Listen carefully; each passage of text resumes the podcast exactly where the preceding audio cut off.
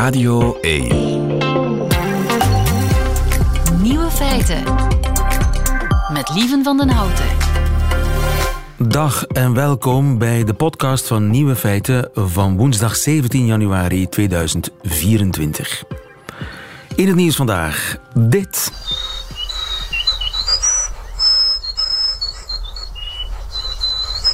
Dit is Lulu Lotus. En Lulu Lotus is een Canadese vrouw met een bijzonder talent. Neusfluiten. Zoals sommigen kunnen fluiten met hun mond, kan zij het met haar neus. En nu is ze officieel wereldrecordhouder. Ze is de luidste neusfluiter ter wereld met 44,1 decibel. Om precies te zijn, dat is zo luid als een zangvogel. Gefeliciteerd. De andere nieuwe feiten vandaag. Geen 20 centimeter, maar 2 centimeter. Hoe moeilijk is het om sneeuw te voorspellen? Schermlezen is een bedreiging voor de literatuur, blijkt uit onderzoek in Noorwegen. En we vinden een nieuw woord voor weer dat er achter het venster mooi uitziet, maar in werkelijkheid slecht weer is. Koud. De nieuwe feiten van Nico Dijkshoorn, die hoort u in zijn middagjournaal. Veel plezier. Radio 1. Nieuwe feiten. Ja, het zou chaos zijn. Eh 10, 15 centimeter, 20 centimeter sneeuw zou er liggen vandaag. Ja, Ja, dat is het niet geworden, hè, Bram Verbrugge. wel, het is eh, nog maar aan het beginnen. Eigenlijk, eh goedemiddag trouwens. maar, eh, Goedemiddag, Bram. Ja, voilà. Ja, ik ben opgewonden. Ik, ik, ik was helemaal klaar voor de sneeuwman en de sneeuwpret. En de, ik, ik ben er ook op gekleed. Ja, ja, ja, ik snap het. Ik, ik trouwens ook. Maar nee, op dit moment volgt de storing redelijk goed onze voorspellingen. En we hadden wel degelijk verwacht dat een groot deel van de voormiddag het nog droog ging blijven in, in Vlaanderen en in Brussel. En ondertussen is die sneeuwzone dus wel degelijk naar het noorden aan het eh, opschuiven. En dus deze namiddag verwachten we periodes van sneeuw en ook nog vanavond. Ja, maar eh, is er sneeuw in heel Vlaanderen? Ja, toch op de meeste plaatsen verwachten we ehm, ja, een paar centimeter. Ehm, nu, niet al te ho- hoge verwachtingen hebben bijvoorbeeld aan de kust. Als daar wat valt, eh, zal het nauwelijks gaan om 1 centimeter. Maar de laatste weermodellen berekenen toch wel voor een heel groot deel van Vlaanderen sneeuw.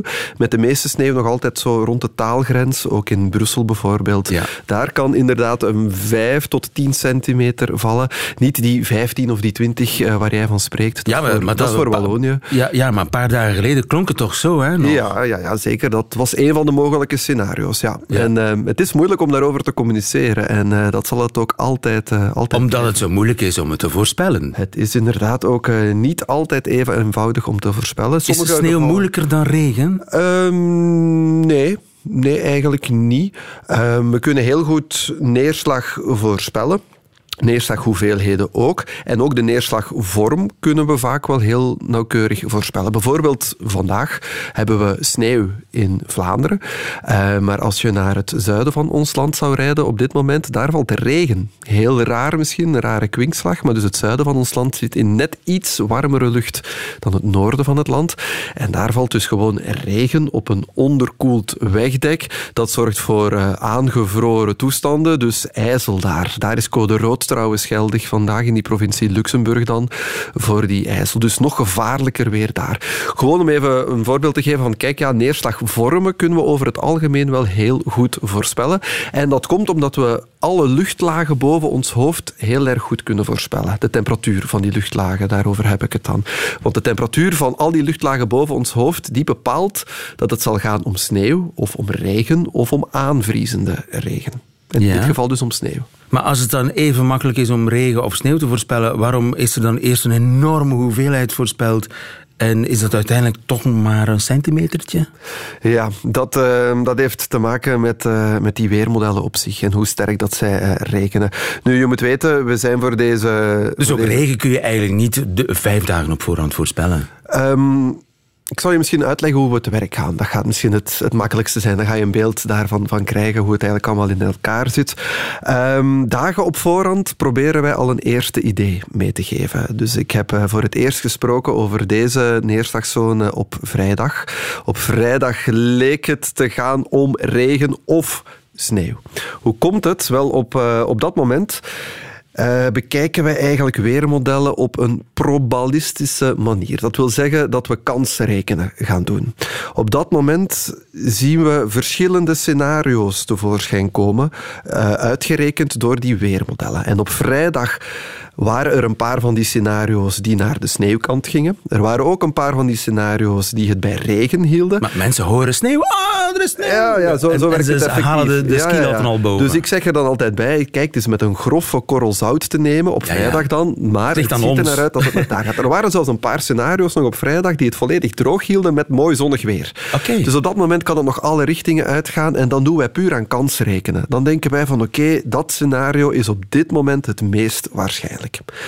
Naarmate dat die dag dan dichterbij komt, proberen we altijd concreter en concreter te gaan. En wie zegt concreter, eh, wil, wil dan eigenlijk ook wel eh, horen, eh, ten eerste waar gaat het sneeuwen en ten tweede hoeveel gaat het sneeuwen. En die cijfertjes die je dan ziet, die kunnen nog altijd enorm uit elkaar lopen. Ga je verschillende weermodellen met elkaar vergelijken, dan ga je ook altijd andere cijfertjes vinden. Sommige weermodellen die geven een illusie dat ze veel nauwkeuriger zijn, maar die illusie kan soms vals zijn. Eh, Ze kunnen soms te veel eh, sneeuw berekenen. Andere weermodellen zijn dan weer al te optimistisch en berekenen veel, veel te weinig. En daar komt dan eigenlijk vooral de, de weervoorspeller ehm, bij te kijken. Hè. Dus die weervoorspeller die gaat verschillende weermodellen met elkaar vergelijken en die gaat dan bepalen met zijn kennis, met zijn achtergrondkennis, met zijn ervaring, gaat die bepalen van oké, het zal zo zijn. Nu, die weermodellen die maken ook een berekening om de zoveel tijd. Sommige weermodellen doen dat om de zes uur, andere doen dat om het uur. Ja. Dus om het uur een nieuwe berekening van de locatie van die, van die neerslag, van de vorm van de neerslag en van de hoeveelheid Ja. van die neerslag. En laat dit nu net een situatie zijn waarbij bij elke herberekening van het weermodel we een net iets andere oplossing krijgen. En die net iets andere oplossing, naar weertermen, is dat, zijn dat minieme verschillen. Het gaat over eh, de sneeuwzone die 20 kilometer meer naar het noorden trekt, of net 20 kilometer meer naar het zuiden. En dat maakt een enorm verschil natuurlijk, hè? In weertermen, eh, betekent dat eh, eigenlijk weinig verschil, maar in de praktijk Ah, betekent dat dus wel sneeuw in is maar een Antwerpen. groot, inderdaad. Ja, ja of nee. Ja. Dus ik onthoud eigenlijk vooral dat eh, de exacte hoeveelheid neerslag die waar zal vallen, dat kan je eigenlijk maar een paar uur op voorhand voorspellen. Klopt, ja, inderdaad. De, hoe dichter je bij het evenement komt, hoe beter de voorspellingen zijn en hoe meer zekerheid je ook kan geven aan die voorspelling. Dus we, we werken in begin ook met grote ordes die kunnen gaan inderdaad van 0 tot 20, maar naarmate het evenement dichterbij komt, zoals nu, nu gaan we van Ja, 1 tot het 5. evenement is bezig. Ja, en dan lokaal tot 10 centimeter. En dan nog kan de realiteit altijd anders zijn. Drukke dagen voor eh, weermannen. Bram Verbrugge, dankjewel. Graag gedaan. Het ontbreekwoord. Rick de Leeuw gaat op zoek naar woorden die in onze taal helaas nog niet bestaan. Een goedemiddag, Rick de Leeuw. Goedemiddag. Rick de Leeuw vanuit een stilaan besneeuwd gerakend eh, heks in Limburg. Feeriek. Feeriek. Het is nog feerieker dan het al was. Ja. We zoeken nieuwe woorden op eh, woensdagmiddag. Een nieuwe woorden zoals kersthaas. Hè? Je was weer de kersthaas. Dat betekent, je was te vroeg op het feest. Je was een soort kerstman op Pasen of paashaas op kerst. Ik hoorde iemand Juist. overigens, eh, en die meldde dat, eh, dat, dat een kindje zei... Mama, ga je nu lepeltjes wenen? Als pa- papa was een paar dagen weg. Mooi. Lepeltjes wenen. Rick? Afgeleide van lepeltjes verdriet. Een terplekker, terplekkernij, wat was dat ook alweer? Een terplekkernij, weet je dat nog, Rick? Ja, natuurlijk. Dat is een, een, eh, een consumptie die op de plek waar je het, eh, het voor het eerst proeft, dus op vakantie bijvoorbeeld, veel lekkerder smaakt dan wanneer je het mee naar huis genomen hebt. Zeer herkenbaar, hè? Aha. Die wijn die daar prachtig, oh, die zo overheerlijk smaakte in Portugal. Tintelt op de tong. Ja, blijkt een soort eh, verbeterde uilenpis te zijn als je hem thuis drinkt. Eh, goedemiddag ook Ruud Hendricks, hoofdredacteur van Vandaag. Ook jury weer vandaag. Ja. Wij zoeken vandaag, of enfin, wij gaan een, jij gaat een knoop doorhakken.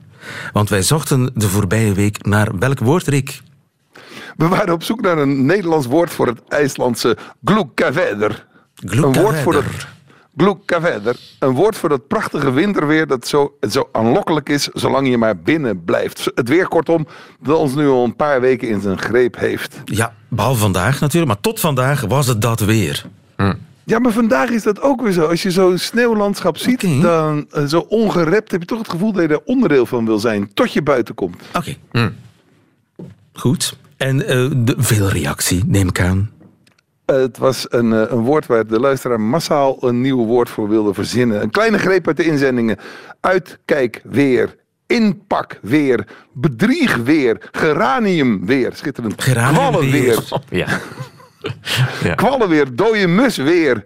Kersenpitten kussen weer. Binnenste buiten weer. Ruwe bolster blanke pit weer. In alle soorten en maten kwamen de weren weer bij ons binnen. Allemaal veel dank. Ja. Schitterend hè? En dat is nog niet, niet Geraniumweer. eh, geraniumweer, zeg. En dat heeft nog niet eens de top 7 gehaald. ja. Kan je nagaan. Dat belooft. Kan je nagaan. Hoewel, Het staat Ruud natuurlijk altijd vrij om, eh, om te kiezen. Je kunt hem altijd heropvissen. Ja. Geraniumweer. We Ja. Ja, ja, ja. hem toch nog even in een hoekje. Ja, ja, ja. Ja. Laten we beginnen met de top 7. Juist. Eh, Edith, Edith van Beek en Samuel Dubai, onafhankelijk van elkaar, komen met etalage weer. Etalageweer. Vind ik niet slecht. Eh, Oei. ja, het zet mij een beetje op het verkeerde been. wist. Ehm, Het verbaast me niks. Nee, nee. Er bestaan ook etalagebenen trouwens. Ja, Ja, er bestaan etalagebenen, maar dan ben je al buiten. En je gaat naar de etalage kijken. Toen, als ik etalage weer hoor, dan zie ik mezelf toch buiten rondlopen. Om naar de Etalages. etalages te gaan kijken. Ja. Terwijl je zegt niet van je eigen huis dat je een etalage hebt. Tenzij je natuurlijk een winkel hebt met zo'n ding. Maar Ja, het leek een goed idee, nee. maar het is vakkundig vernield. door, door- Nee, ja, maar, maar ik ben Ja, het er niet, helemaal mee eens. Het het is eigenlijk eh, weer wat je graag in de etalage zet. Dus weer om naar te kijken. Ja, ja, ja, ja, ja. ja, Denk ik, hè? Ik, ik ben Edith van Beek niet, nog Samuel Dubai, maar ik denk Ja, ja, dat, dat dat, dat is erin weer, zit. weer, Weer. dat lijkt in een etalage. Ja, ja, ja, je kijkt eigenlijk naar de etalage. Etalage. Precies. Je, je draait het om. Oké. We gooien hem nog niet weg. Nee, maar echt heel... Ja, maar- Dol enthousiast is er- Ruud niet. Nee, omdat we met z'n allen uitleg behoeven. Ja, en, dat, is, Goed. dat is nooit goed. Dat is nooit goed. Oké, oké, oké, oké, oké. Eh, Marnik Biloos komt met zonneguur. Dat vind ik wel goed. Zonneguur. Het is, zonneguur. Eh, dat vind ik heel mooi, omdat het ehm, die innerlijke tegenstelling heeft in het woord zelf. Dus het is zonnig en tegelijkertijd... Maar het is eigenlijk guur.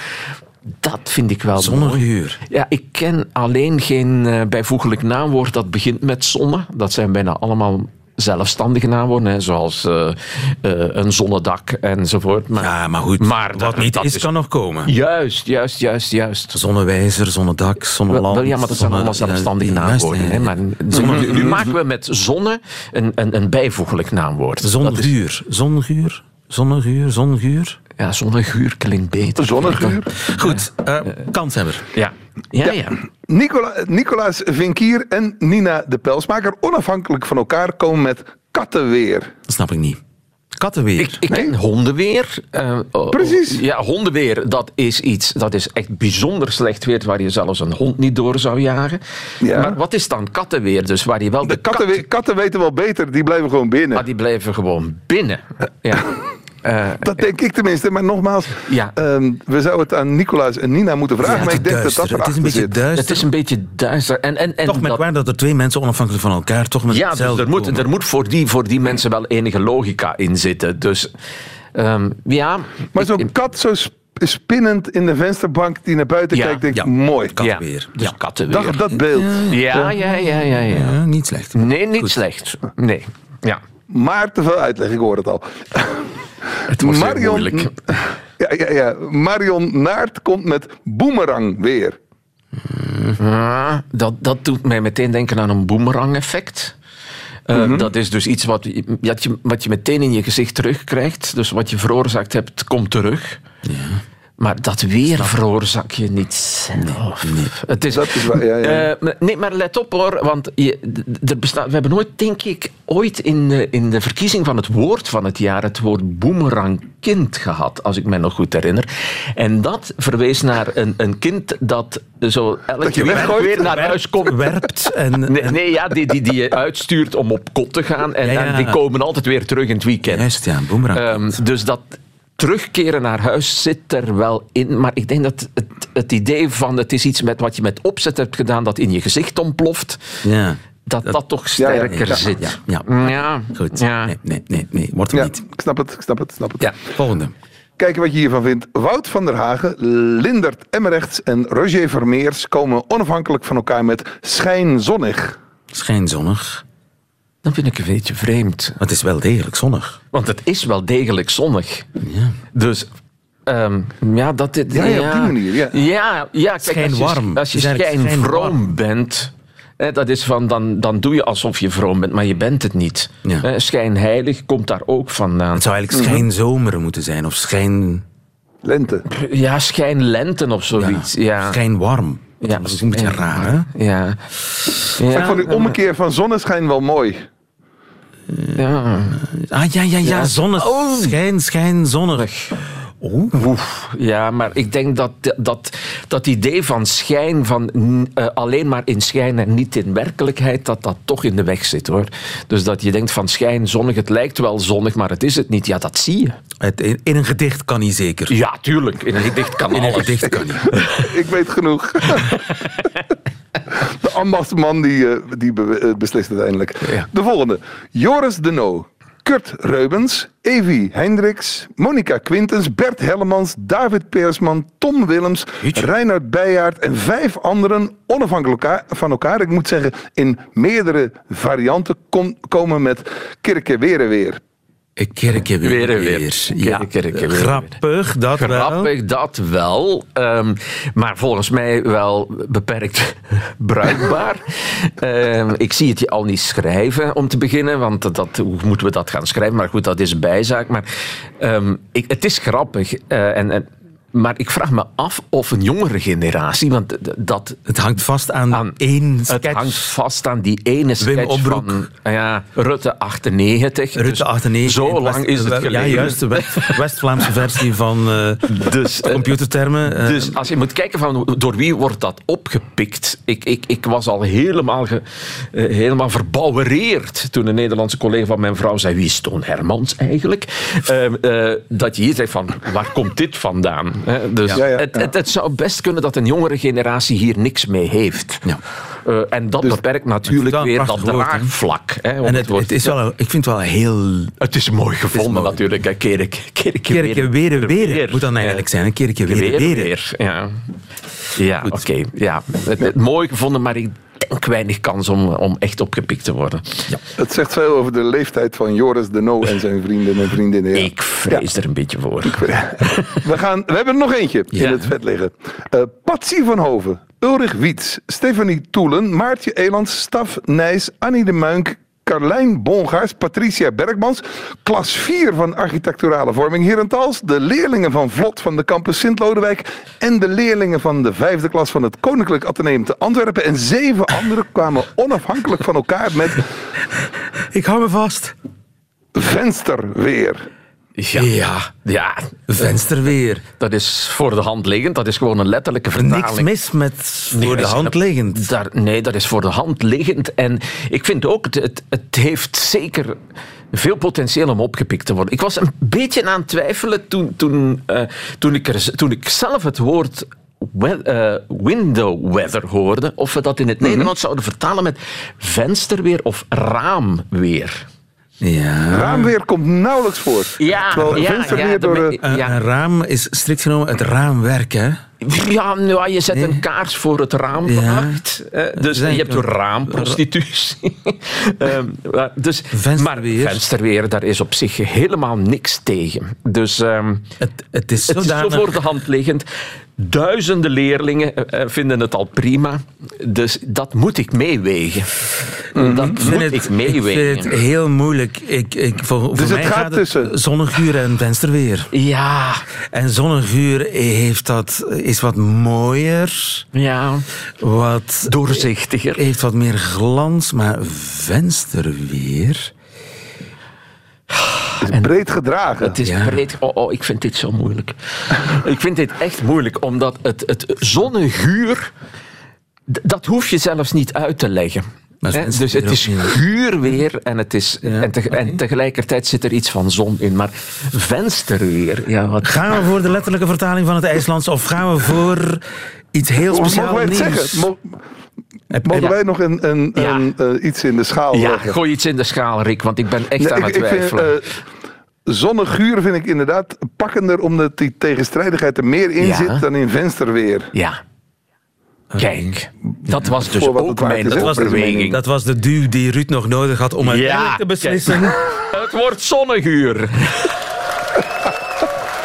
Sorry voor al die duizenden leerlingen. Gebruik gerust vensterweer. Het zal heel snel opgepikt worden. Maar Ja, wie weet wint uiteindelijk als Ja, ja, ja, ja, ja. vensterweer. Maar zonneguur is te mooi om zo te laten mooi, liggen. zo mooi. Gefeliciteerd aan iedereen die eh, dat eh, heeft, of zeker Marnik Bijloos, die dat eh, heeft opgestuurd, ingestuurd. We hebben een nieuwe opdracht nodig, Riek. Stel je voor, je ligt in bed en wordt midden in de nacht wakker met een briljant idee. De oplossing voor een groot probleem waar je al weken mee worstelt. Het met een tevreden glimlach. Je, ja, met een tevreden glimlach val je terug in slaap. En de volgende ochtend weet je alleen nog dat je een briljant idee had. Maar helaas niet langer welk briljant idee dat was. Hoe noemen we zo'n idee? Ja, overkomt mij vaker. Ik denk dat het iedereen Regelmatig. overkomt. Ja, en, en dan schrijf je iets op. Dat, is dan, dat doe je soms ook. Hè. Je, je, Ja. je denkt van, oh, ik ga een potlood en een pen klaar, en een papier klaarleggen naast mijn bed. En dan schrijf ik het voortaan op. Ja. Maar dan, ja, wat er dan Wartaal. so- ochtends staat, wartaal. Ja. ja. Ik denk altijd wel, ik, ik onthoud het wel. Ja, Dat gebeurt ook niet. dat denk ik ook Dat altijd. gebeurt zelfs overdag. Ja. En niet alleen s'nachts. Hoe noemen we zo'n idee die s'nachts in, eh, in je droom komt of in je halfslaap en je zegt, oh, dat is echt de oplossing voor een probleem waar ik al jaren mee zit, dat moet ik onthouden. En s ochtends is alles weg. Foetsie. Hoe noemen we zo'n idee? Ja, behalve dan inderdaad het, het gevoel dat je weet Iets, dat je ja, dat ja. idee hebt gehad. Ja, ja. Reageer via de grote ontbreekwoordknop in de app van Radio 1 of via radio1.be. Tot volgende week. Veel dank. Lieven van den Houten. Nieuwe feiten. Leest u anders op een scherm dan op papier? Dat heeft Frank Hakemulder onderzocht. Goedemiddag, Frank. Goedemiddag. U bent eh, lesgever, professor aan de universiteiten van Utrecht en eh, Stavanger in Noorwegen. Ja. En u heeft een heel interessant onderzoek gedaan naar leeservaringen, literaire leeservaringen. Het gaat om literatuur lezen op scherm of op papier. Het verschil daartussen. Precies. En ja. hoe, hoe ging dat onderzoek ongeveer? ja, dat hebben we. eh, we hebben mm, eh, studenten eh, een tekst laten lezen, of van scherm of van papier. En vervolgens een paar standaard vragen gesteld over hun absorptie. Dat wil zeggen hoe diep ze opgenomen waren in de tekst, wat voor beelden ze hadden bij de tekst. En of ze eh, vonden dat de tekst een extra betekenislaag had en dat soort eh, vragen. En eigenlijk was onze verwachting, nou dan gaat dat meteen uitkomen dat ze eh, minder geabsorbeerd zijn enzovoort als het van scherm is. Maar eigenlijk vonden we iets veel interessanters, namelijk dat de vragen die ze moesten beantwoorden over hoe vaak ze eh, korte tekstjes of langere teksten lazen van scherm of van papier, dat dat een hele goede voorspeller was van hoe weinig ze geïnteresseerd waren in een extra betekenislaag. Dus het frequent lezen van korte tekstjes Of dat nou uh, nieuwsberichtjes zijn of uh, anderszins. Dat voorspelt eigenlijk hoe weinig geduld ze hebben. Zo hebben wij het geïnterpreteerd in uh, de betekenis van in dit geval Doris Lessing's uh, The Flights. Oké, okay, dus we moesten een tekst van Doris Lessing lezen. Uh, maar er werden allerlei vragen bijgesteld. Zo van hoe, hoe leest u vaak literaire teksten? Of hoe leest u meestal? Leest u op papier? Bla bla.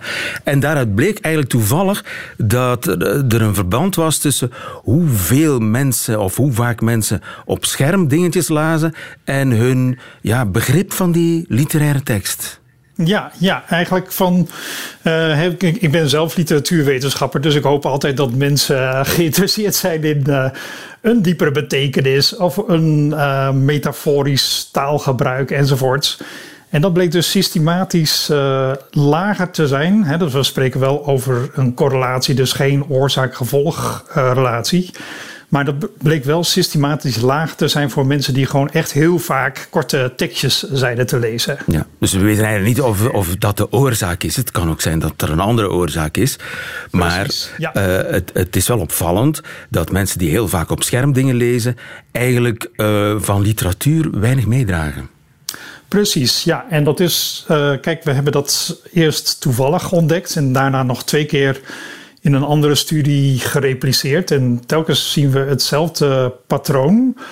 Uh, dus ja, wij moeten voorzichtig zijn natuurlijk als uh, wetenschappers. Maar ik denk toch wel dat er goede reden is om aan te nemen dat. Uh, en dat zeg maar ook weer in de context van dat grotere onderzoeksveld over scherm-papiervergelijking. Dat, ja, dat het geheugen of de concentratievermogen, dat dat eigenlijk een soort spier is die je gewoon regelmatig moet trainen. En als je dan voor een literaire tekst gezet wordt, ja, dan heb je gewoon iets meer geduld nodig, iets meer aandacht. En dat blijkt dus gewoon ja, iets lager te zijn voor mensen die uh, gewend zijn om hele korte tekstjes uh, te lezen. Ja, en dan gaat het eigenlijk niet zozeer om dat scherm dat ze vaak gebruiken, maar om de manier waarop die teksten zijn geconcipieerd. Of toch? Ja, ja, dat zou kunnen. Dat zou kunnen. Het is, uh, dat is uh, nog even gissen, denk ik. Ik denk dat eigenlijk wat uh, de onderzoekster Marianne Wolf zegt, die hier ook heel veel onderzoek naar doet, een neuropsycholoog uit Amerika, die zegt van ja, het, het, je gedrag, het, zeg maar het gedrag van het lezen van korte teksten, dat zijpelt eigenlijk in ander gedrag. Uh, onder andere dus uh, het lezen van langere teksten. En ik heb ook samen met Anne Mange en uh, Inge van der Ven van de Tilburg Universiteit ook onderzoek naar dat vermoeden gedaan. En ook gezien dat mensen ook inderdaad uh, op basis van hun leesgedrag kan je voorspellen dat ze ja, gewoon iets geduldiger zijn ja, met ja. een opdracht die je ze geeft. Ja, want ja, natuurlijk als je vaak uh, op sociale media zit, dan krijg je hapklare brokjes. Die tekst, je kan ook heel snel scannen. Je leest anders, je leest sneller. Je, je, je roetst meer door een tekst heen. En dus je leert het eigenlijk af om wat het betekent om in een boek te verdwijnen. Ja, precies. En dat is natuurlijk, uh, ja, dat is wel, uh, kijk, nogmaals, dan moeten we zeg maar echt experimenteel onderzoek gaan doen om te kijken of dat ook een kausaal verband is. Maar het is wel een uh, teken aan de wand, denk ik. Ja. zeker voor mensen met een liefde voor literatuur of voor teksten die gewoon iets minder makkelijk toegankelijk zijn. Of het nou filosofische traktaten zijn of beleidsstukken. Ja. Ja, maar het, het zou ook een verklaring kunnen zijn waarom inderdaad er minder uh, gelezen wordt. Ja, precies. Ja. En dat is denk ik waar het uh, hier om gaat, is dat je um, een aantal teksten, een aantal boeken, die worden gewoon minder toegankelijk. Uh, ja, de, kijk, de, de, Toverberg beginnen nog maar eens aan. ja, precies. Ja. ja Als je gewend bent uh, om op TikTok te zitten. Ja, ja, precies. Dat is, kijk, het is uh, makkelijk voor mij en voor menig ander, denk ik, om te denken van, och, och, wat, uh, wat bedroevend van al die vluchtige mensen om ons heen. En dat is ook vaak de teneur in het, uh, het onderzoek. Kijk nou toch eens wat er fout gaat in onze cultuur. Maar ik merk aan mezelf al en aan mensen om me heen dat het echt lastiger wordt. Dat, dat je met de kerst denk je van nou, nou bijt ik me bijvoorbeeld eens vast in zo'n toverberg. Uh, ja. dat is toch echt al heel snel zit je weer op je telefoon te kijken wat er nu weer gebeurt in de wereld. Omdat, ja. ja, het, het kost heel veel energie om in dat boek te geraken. Het is een, een, een enorme... Ja, het is bijna een Himalaya die je moet beklimmen. Uh, maar als je de eerste 100 pagina's door bent, ja, dan krijg je de smaak te pakken. Maar je moet natuurlijk die eerste 100 pagina's door. Ja, ja. Een docent hier in Nederland noemde dat als de, de boekdrempel. En we zien dat ook in uh, kwalitatief observatiestudies. Uh, in de bibliotheek in Oslo hebben we dat bijvoorbeeld gedaan. gewoon eens kijken naar mensen hoe ze uh, zich proberen te concentreren. Daar hebben ze even tijd voor nodig. Uh, ritueeltjes die ze hebben, hun haar nog eens een keer goed doen, uh, nog een slokje drinken. Voordat ze eindelijk eens geconcentreerd een tekst zitten te lezen. En dat is denk ik, als er dan een mobiel naast je ligt, ja, dat wordt alleen maar lastiger. En dus op die manier zou een eeuwenlange cultuur uh, in, in no time kunnen verdwijnen. Want ja, doe er nog twee generaties bij en niemand, leest, niemand kan nog een boek lezen. Heel spoedig, heel spoedig. Ja, dat denk ik ook. Ik denk dat je, nogmaals, uh, Marianne Wolf, die beschrijft ook van hoe die cyclus dan in zijn werk gaat, is dat als er minder lezers komen, minder geduldige lezers, dat ook teksten gaan veranderen. Uh, auteurs gaan, eh, worden niet meer verkocht, gaan anders schrijven. waardoor je nog minder geduldige lezers krijgt enzovoort. Dus een, het is een ja, neerwaarts naar beneden. Uh, spiraal. Ja. ja, ja. Aan de andere kant, ik denk ook van ja, het enige wat wij, uh, of wat ik zelf concludeer uit zo'n studie is van kijken naar mezelf en uh, mezelf niet op mijn kop zitten, maar het zien als een, ja, toch als een training. zo'n Toverberg lezen of Spinoza's ethica lezen of wat dan ook. dus het is echt lastig. Maar dat wil niet zeggen dat ik het niet, uh, niet ga doen. Ja, misschien moeten er televisieprogramma's komen. Hè? Lees eens een boek. Hè? ja, over hoe een betere lezer te worden. Ik denk dat hè, dat is. Um, mijn collega Anne Mange en ik doen samen onderzoek naar wat we diep lezen noemen, deep reading. En dat is echt iets, ja, iets heel moois. Dat is ook als je mensen weer dat kan laten ervaren, uh, onszelf in kluis dan, dan krijgen we misschien de smaak weer uh, daarvan te pakken. Dat je denkt van dit zijn ervaringen die je gewoon niet op een andere manier krijgt. Ja, het verandert je leven. Een boek kan je leven veranderen. En misschien moet je dat eerst eens eh, aan de lijve ondervinden voor je echte smaak te pakken hebben. Maar intussen uh, wees een beetje matig met de smartphone. Ja, en met de sociale media. Leg hem af en toe weg. En misschien dat ook uh, in het onderwijs uh, hier rekening mee kan gehouden worden. Wie weet. Maar toch, het is een, een verontrustend inzicht. dat natuurlijk nog verder moet onderzocht worden. Ja. Frank Hakenmulder, waarvoor dank. Nog een fijne dag. Heel graag gedaan. Nieuwe feiten. Radio 1. Ziezo, daarmee heeft u alle nieuwe feiten gehad van deze 17 januari 2024. Deze woensdag, behalve die uit het leven van Nico Dijkshoorn. Nieuwe feiten. Middagjournaal.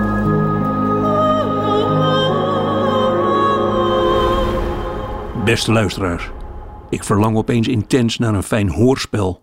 Dus dat je helemaal niets ziet. Niemand ligt onder het puin, je kijkt een achtjarig doodsbankkind niet recht in de ogen. En je ziet op de voorpagina van de krant geen plat gebombardeerd flatgebouw.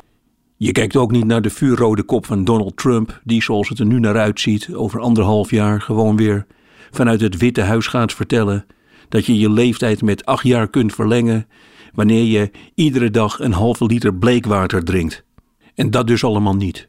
Geen beelden, geen vervelend nieuws, met mijn kop onder een deken en dan fijn luisteren naar een ouderwets hoorspel. Ingesproken door professionals. Dus niet dat je bij iedere stem denkt: hé, hey, dat is toch gewoon Wim Helsen, die net doet alsof hij een achterlijke boer is? Ikzelf ben helaas te jong voor de gouden tijd der hoorspelen, maar ik ben wel stikjaloers op mensen die dat mee hebben gemaakt. Een lekker grote radio midden in de kamer, iedereen eromheen, En het Lazarus voor de oorlog en ellende. We gaan samen gezellig naar een hoorspel luisteren. Het hoorspel mag wat mij betreft overal overgaan. Behalve over oorlog, vrouwenbesnijdenis, de katholieke kerk, de opwarming van de aarde, genderneutrale pindakaas, vliegschaamte of geklaag over de file bij Antwerpen. Het moet een hoorspel zijn over iets lekker ouderwets. Als er een deur open gaat, dan hoor je hem ook echt open gaan. Piepend en knarrend. En daarna zegt er dus niet iemand: wilt u de schele kinderen in Tanzania helpen door een postzegel te kopen? Nee, luisteraars, ik heb daar vrij specifieke ideeën over.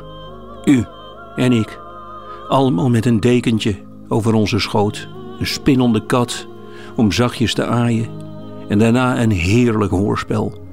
Iemand die door een bak grind loopt of iemand die een golfplaat heen en weer beweegt, zodat het net is alsof het omweert. En dat de eindtune klinkt en dat we dan met z'n allen even 40 minuten lang geen enkele prikkel op onze ogen hebben gekregen. Luisteraars, daar droom ik van.